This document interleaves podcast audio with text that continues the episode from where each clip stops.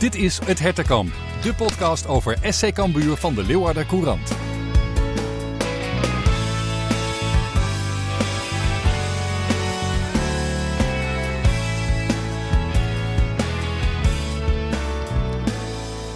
Yes, daar zijn we weer. Hartelijk welkom uh, iedereen. Dit is aflevering 2 van het uh, Hertenkamp, de podcast van de Leeuwarden Courant over SC Cambuur. Fijn dat je weer luistert. Mijn naam is uh, Gerard Bos, Watcher van de LC. En bij mij, zoals elke week dit seizoen, zoals vorige week en elke andere week, want de expert, de man met verstand van zaken, oud Cambuur speler en huidig amateurtrainer René van der Wij. Welkom. Yes, daar gaan we weer.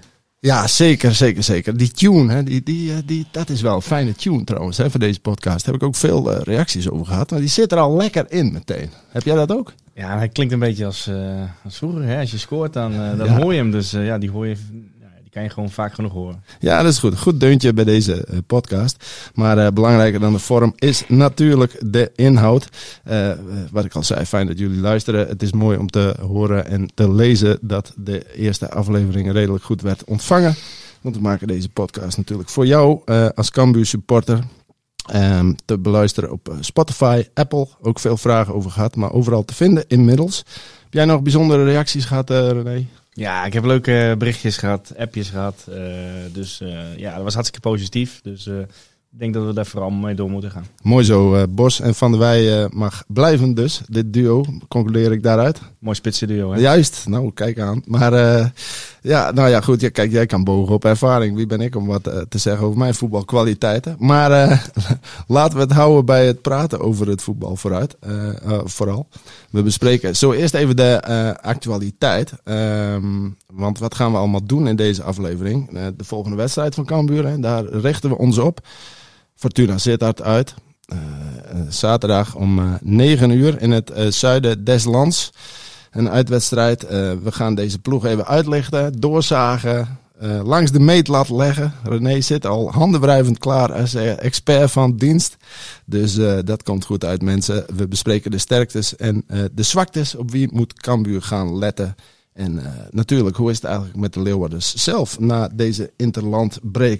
Maar dat is nog niet alles, want we hebben ook verhalen, verhalen uit de oude doos. Want René, met al zijn ervaring, heeft natuurlijk ook zo zijn anekdotes over Fortuna en Cambuur.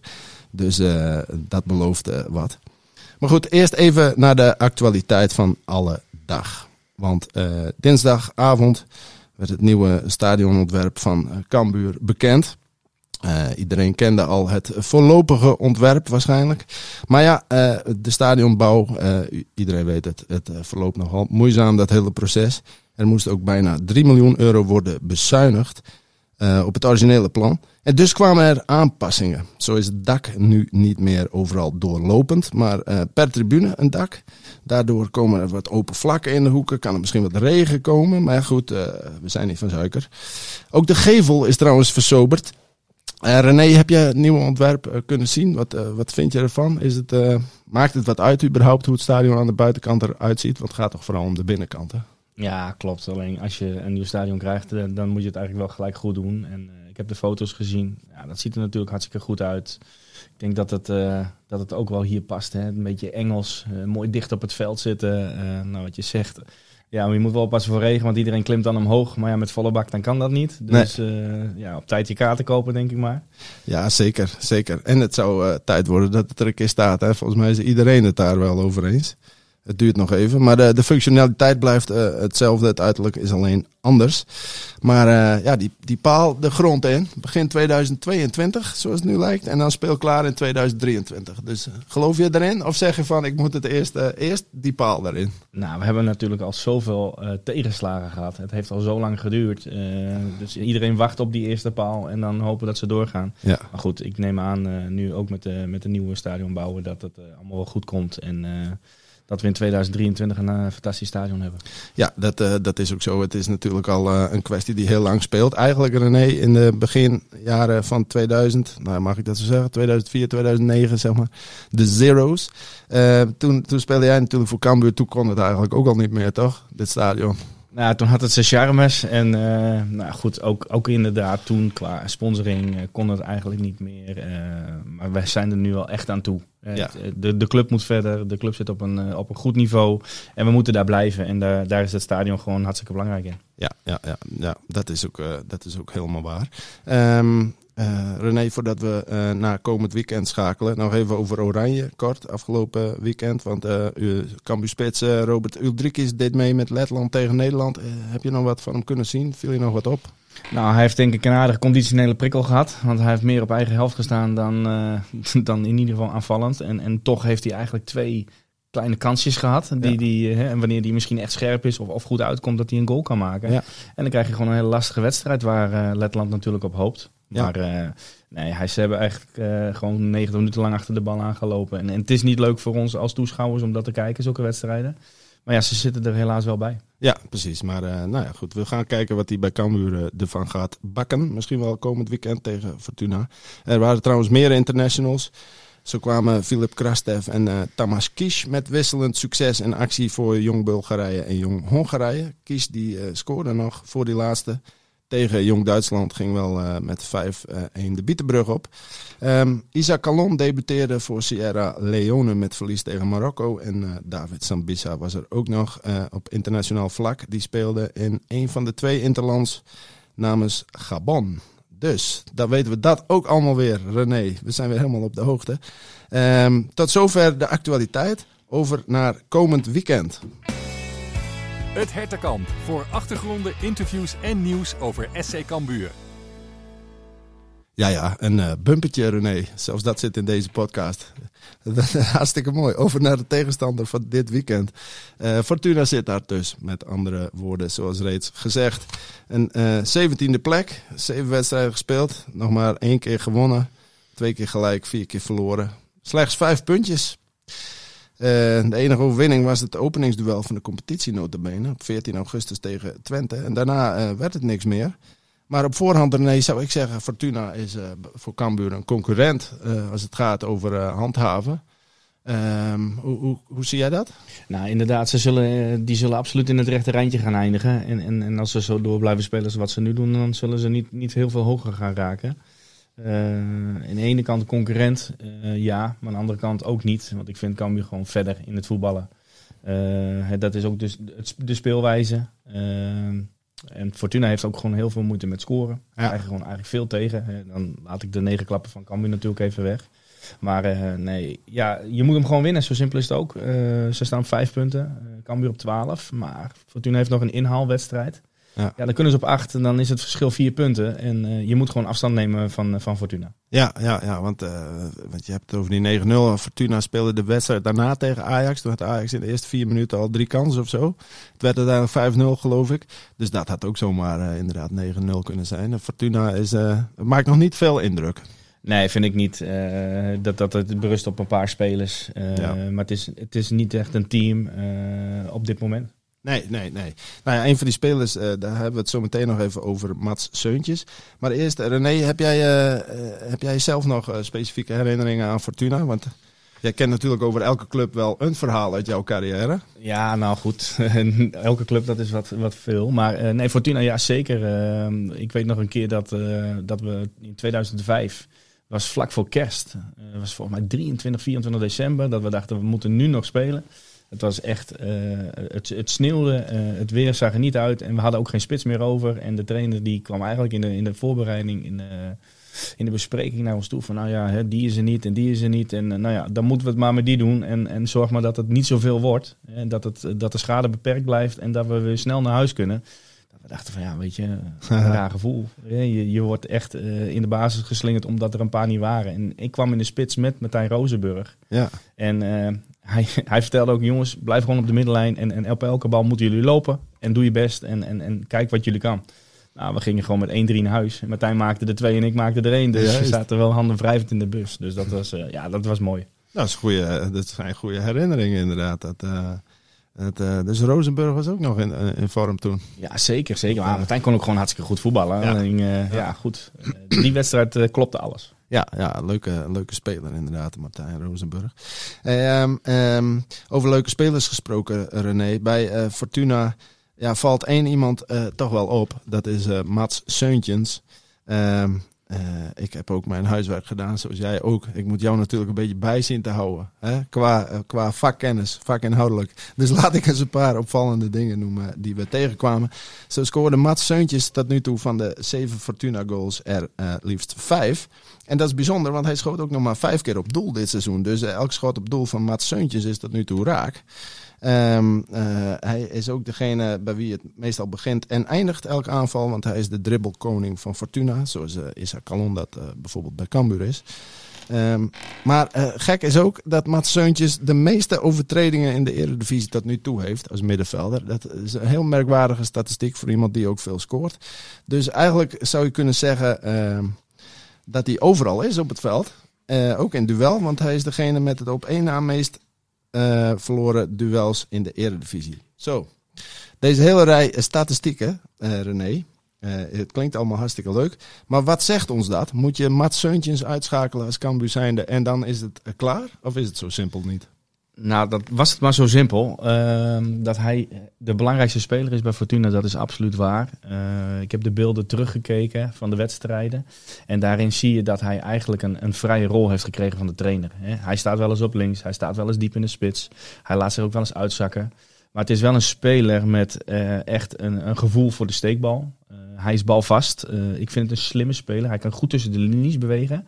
En volgens mij heeft hij ook een opdracht van de trainer. Want ze, ze staan eigenlijk een beetje echt verdedigend rond de kopcirkel. Niet te veel energie erin steken. Maar elke bal in de omschakeling gaat wel naar zeuntjes. Mm -hmm. En je ziet dat hij of zelf naar de goal gaat of hij zet iemand anders voor de goal. Ja, ja het is wel een kwaliteitsspeler. En, nou ja, en hij heeft een goede techniek.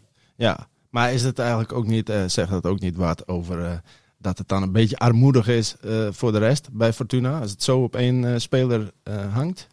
Nou, dat weet ik niet. Kijk, ik kan niet in de budgetten kijken. vorig jaar vond ik wel dat ze best wel aanvallend speelden. En dat ze ook goede spelers hadden.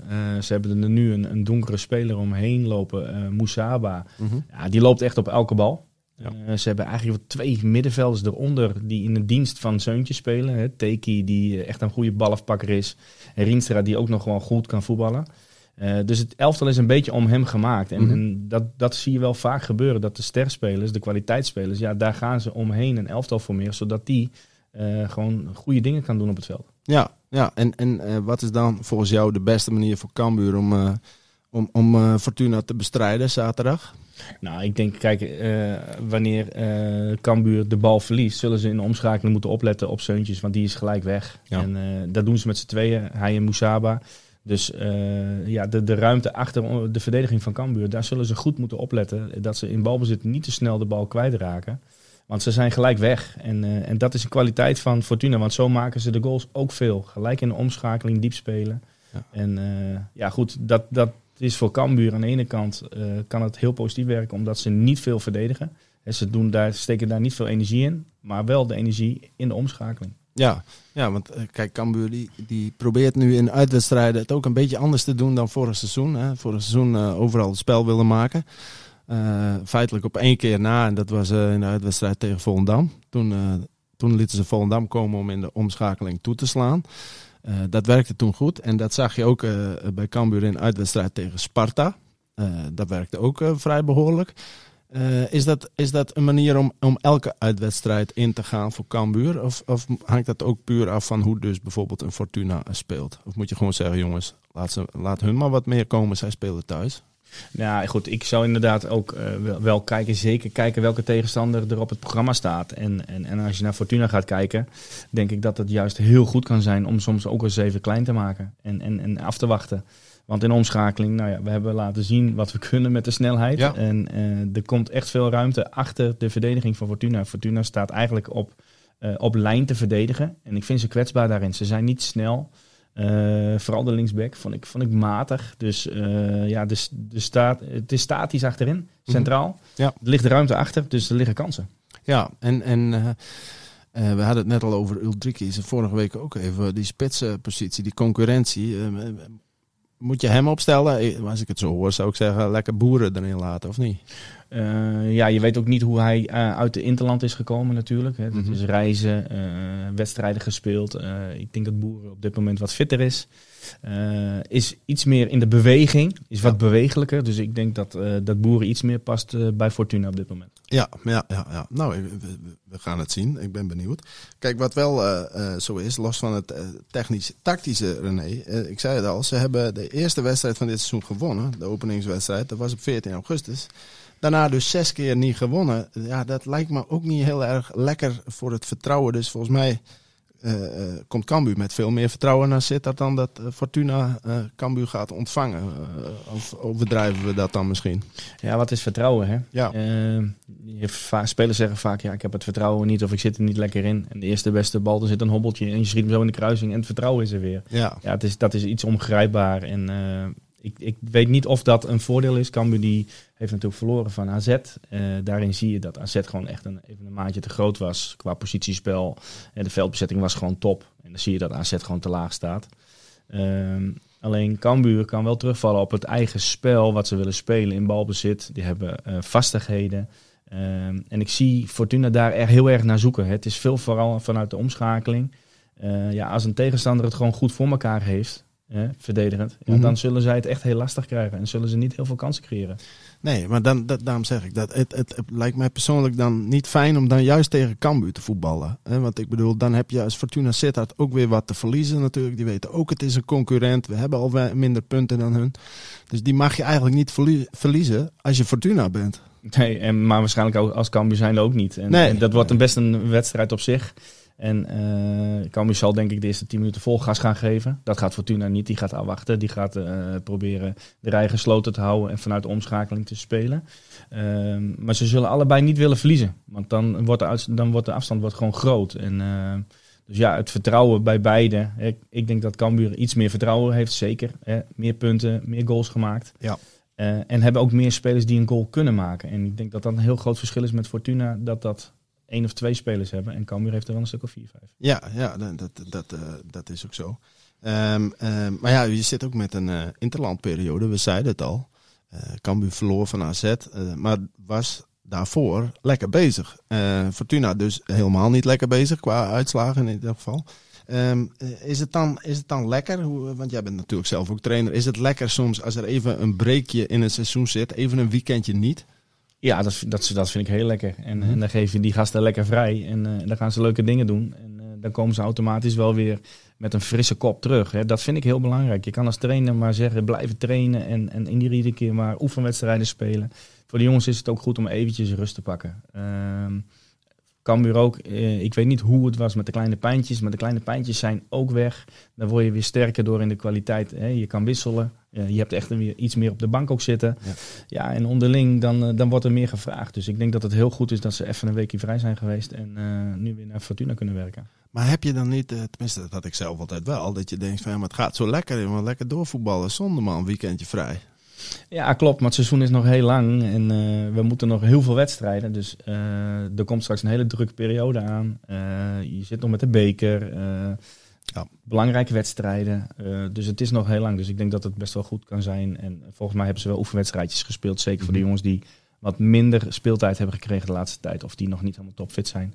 Dus eh, ja, ze willen zo dat iedereen straks naar dat 100% niveau gaat. Ja, en daarom is het ook lekker voor jongens zoals Krastev en, en Kies en ook Ulrikis. eh lekker voetballen, hè? Sambisa, eh, Interlands. Dus ik bedoel, meestal denk je van, nou ja, oh jee, als dat maar goed gaat, dan straks komen ze geblesseerd terug en, en weet ik het wat allemaal. Of vermoeid door al het gereis. Maar, eh, maar ze doen wel even ritme op, op een, op een, op een, eh, op een eh, strijdvaardig niveau. Het- Ja, omdat absoluut. het wedstrijden zijn waarin het ergens om gaat. En dat is toch anders dan een vriendschappelijk potje tegen reserves. Nee, absoluut, dat is klopt. En ze komen op plekken waar ze waarschijnlijk nog niet zo heel vaak zijn geweest. Ze komen tegen andere tegenstanders, ze nemen een stukje ervaring mee. Een stukje ontwikkeling voor hunzelf. Ja, elke keer tegen Groningen 2 of, of, of Zwolle 2 oefenen, dat is niet leuk. Daar word je op een gegeven moment ook niet beter van, want die ken je wel onderhand. Ehm, ja, goed. En, en het is ook goed dat zij eventjes teruggaan naar hun, eigen land. eh, weer even nieuwe dingen meenemen. En weer ook terugkomen bij Cambuur met een, met een goed gevoel. Ja, ja. ja, het blijft altijd de vraag wie er dan eh, fit is en fit terugkomt of uh, wie pijntjes heeft. Dat, dat zal later deze week ook duidelijk worden als we dichter naar de wedstrijd van zaterdagavond gaan. Um, maar als je even afgaat op de afgelopen weken, René, zou je dan wat aanpassen in je opstelling als je Henk de Jong bent? Als iedereen, als iedereen er is? Want Jamie Jacobs was er niet bijvoorbeeld tegen AZ, maar... Nee, ik denk dat dat ook wel goed op te vangen is. Dat, dat er meerdere spelers zijn op meerdere posities die uit de voeten kunnen. Uh, ik zou in dit soort momenten, in, in, in deze situatie, gewoon heel veel dingen blijven trainen waar je juist goed in bent. Uh, die juist verbeteren. En niet te veel kijken naar de dingen die verbeteren moeten. Daar moet je gewoon accenten in leggen. He, want je moet de dingen gewoon goed blijven doen die je juist kan doen. En wat wij goed kunnen doen is voetballen. Dus leg daar juist uh, het accent op. Uh, de vastigheden blijven creëren. En, en dan, dan weet ik zeker dat je ook punten gaat halen. Ja, ja duidelijk. duidelijk. Weet je wie je er sowieso in moet laten trouwens? Dat is Michael Breij. Weet je ook waarom? Vertel. Nou, die is in, zit met zijn hoofd in de wolken, in goede zin van, van het woord. Want uh, ik zag dat hij zijn vriendin ten huwelijk had gevraagd. Dus dat was één groot feest. Dus die, en die is ook goed bezig dit seizoen. ik moet zeggen, die gast, het gaat hem voor de wind. ik vind het een goede speler. Wat, heb jij tot nu toe iets dat je zegt van, over Michael Breij dat, dat jou verbaast? Als ik die er even uit mag lichten. nee, in die zin, ik vind dat hij met, ten opzichte dat hij hier kwam, dat hij echt een stuk fitter is. Mm -hmm. uh, hij is ook een speler die op meerdere posities uit de voeten kan. Nou, hij staat nu aan de rechterkant. Nou, je ziet, voetballend technisch is hij goed. Het is ja. niet een man van de actie. Het is de man van de, van de steekbal, van het overzicht. Uh, nu maakt hij ook nog goals. Dus dat was, hè, was echt een goede goal binnendoor met links. Ja, uh, dus in de verre hoek. Dus dat is goed voor hem. Hè, dat hij multifunctioneel is. Ehm, ja, goed. Ik, ja, het is een goede speler. En je moet aan de ene kant altijd snelheid hebben. Nou, dat hebben ze met Calon. En uh, nou ja, Brei uh, die doet het op dit moment hartstikke goed. Ja, die zorgt op zijn eigen manier voor gevaar uh, en diepgang. We zullen het zien. Hij zal er zaterdag vast in staan. Um, um, we zijn alweer bijna aan het einde, René. De tijd vliegt. Um, laten we even een voorspellingje doen als afsluiter. Uh, wat, wat, wat denk je ervan? Wordt het een eentje, een tweetje of een drietje? Nou, ik ga naar de laatste wedstrijd die ik zelf heb gespeeld tegen Fortuna. En dat was ook wel een mooie. We zaten in een hele moeilijke periode. De trainer Wesseling die Ja? er eigenlijk uit. Oh ja, Roy Wesseling. wedstrijd, Jeetje ja, als ja. die wedstrijd niet zouden winnen. Ja, En eh, samen met Steegman in de spits. eh, alles of niks gespeeld. En eh, nou, toen maakte ik de 2-1 in de, winnen, in de blessuretijd. Dus die foto hangt nog steeds bij mij eh, op de zolder. Dat ik, eh, ik zat bijna over het hek eh, tussen de supporters. Eh, zoveel emotie kwam er ook uit bij iedereen. ja. Dus eh, ja, ik ga voor eh 1-2 winst. 1-2 winst. En dan eh, ook in de, eh, iemand die in de slotfase of in de slotseconde van de blessuretijd nog de winnende, Richting de supporters is altijd goed. Hè? een winnende maakt. Ja, ik denk ook dat Cambuur wint hoor. Want ik, ik, ik denk niet dat Fortuna eh, het Cambuur heel moeilijk gaat maken. Of tenminste, dat gaan ze wel proberen, maar het gaat niet lukken. Dus Cambuur wint met eh 0-2. En dan gaan we zien volgende week eh, wie het goed heeft. We kunnen het ook gaan bijhouden. We moeten maar eens even zien, eh, René. We hebben vorige week ook al een flesje wijn ertussen Ja, dan gezet. wordt het wel heel veel. Maar dat komt het, goed. Een soort eh, drankenkabinet. Maar ehm, nou, hartstikke mooi. Eh, we hebben alles wel zo'n beetje besproken wat er te bespreken eh, valt. Zaterdag dus eh, de uitwedstrijd eh, van Cambuur tegen Fortuna om eh, 9 uur. En dan gaan we kijken eh, hoe dat allemaal gaat aflopen, deze competitiehervatting voor SC Cambuur. Dit was hem. René, bedankt.